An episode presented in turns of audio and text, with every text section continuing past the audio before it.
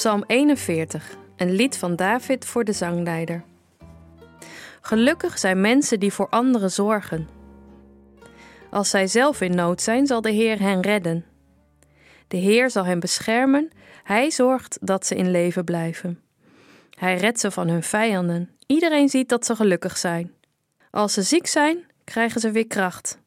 Hoe erg het ook is, de Heer maakt hen gezond. Heer, ik ben ziek, maak mij weer beter.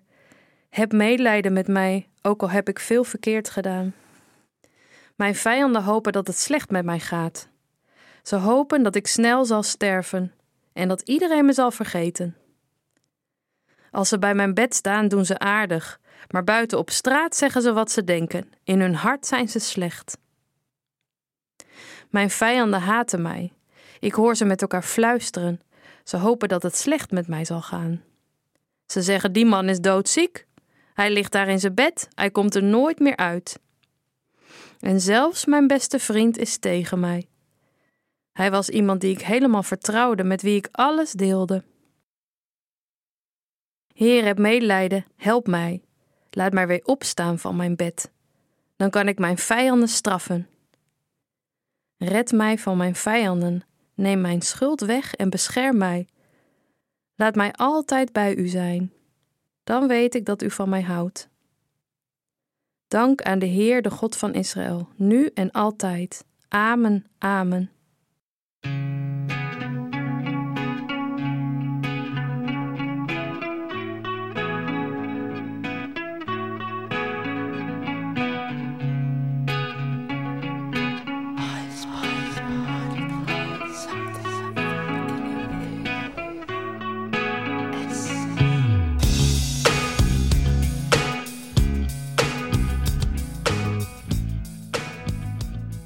Deze psalm gaat over ziekte en over genezing. Of je al deze woorden letterlijk moet nemen of dat het staat voor iets diepers, dat weet ik niet. Maar van oudsher is deze psalm er één die gebruikt wordt bij ziekte en het bidden om genezing. Lees je mee? Heer, ik ben ziek, maak mij weer beter. Dat klinkt simpel, maar even verderop gaat het ook over de relatie van anderen tot jouw ziekte. Vers 6. Mijn vijanden hopen dat ik snel zal sterven. Als ze bij mijn bed staan, doen ze aardig, maar buiten op straat zeggen ze wat ze denken. En in vers 10 wordt het nog een graadje erger.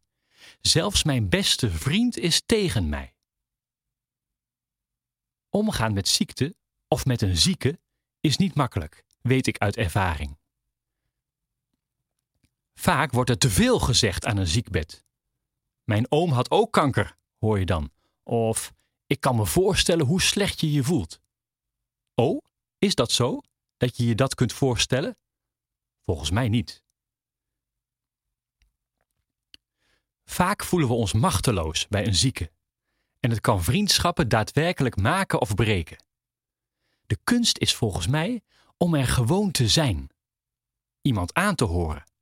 Tijd en aandacht geven en vooral niet op zoek te gaan naar antwoorden of oplossingen. Dat klinkt heel makkelijk, maar is heel moeilijk. Wat je wel kunt zeggen: Ik hou van jou. Of ik geef om jou. De meest belangrijke dingen in het leven zijn vrij kort weer te geven. Maar daarom juist zo belangrijk.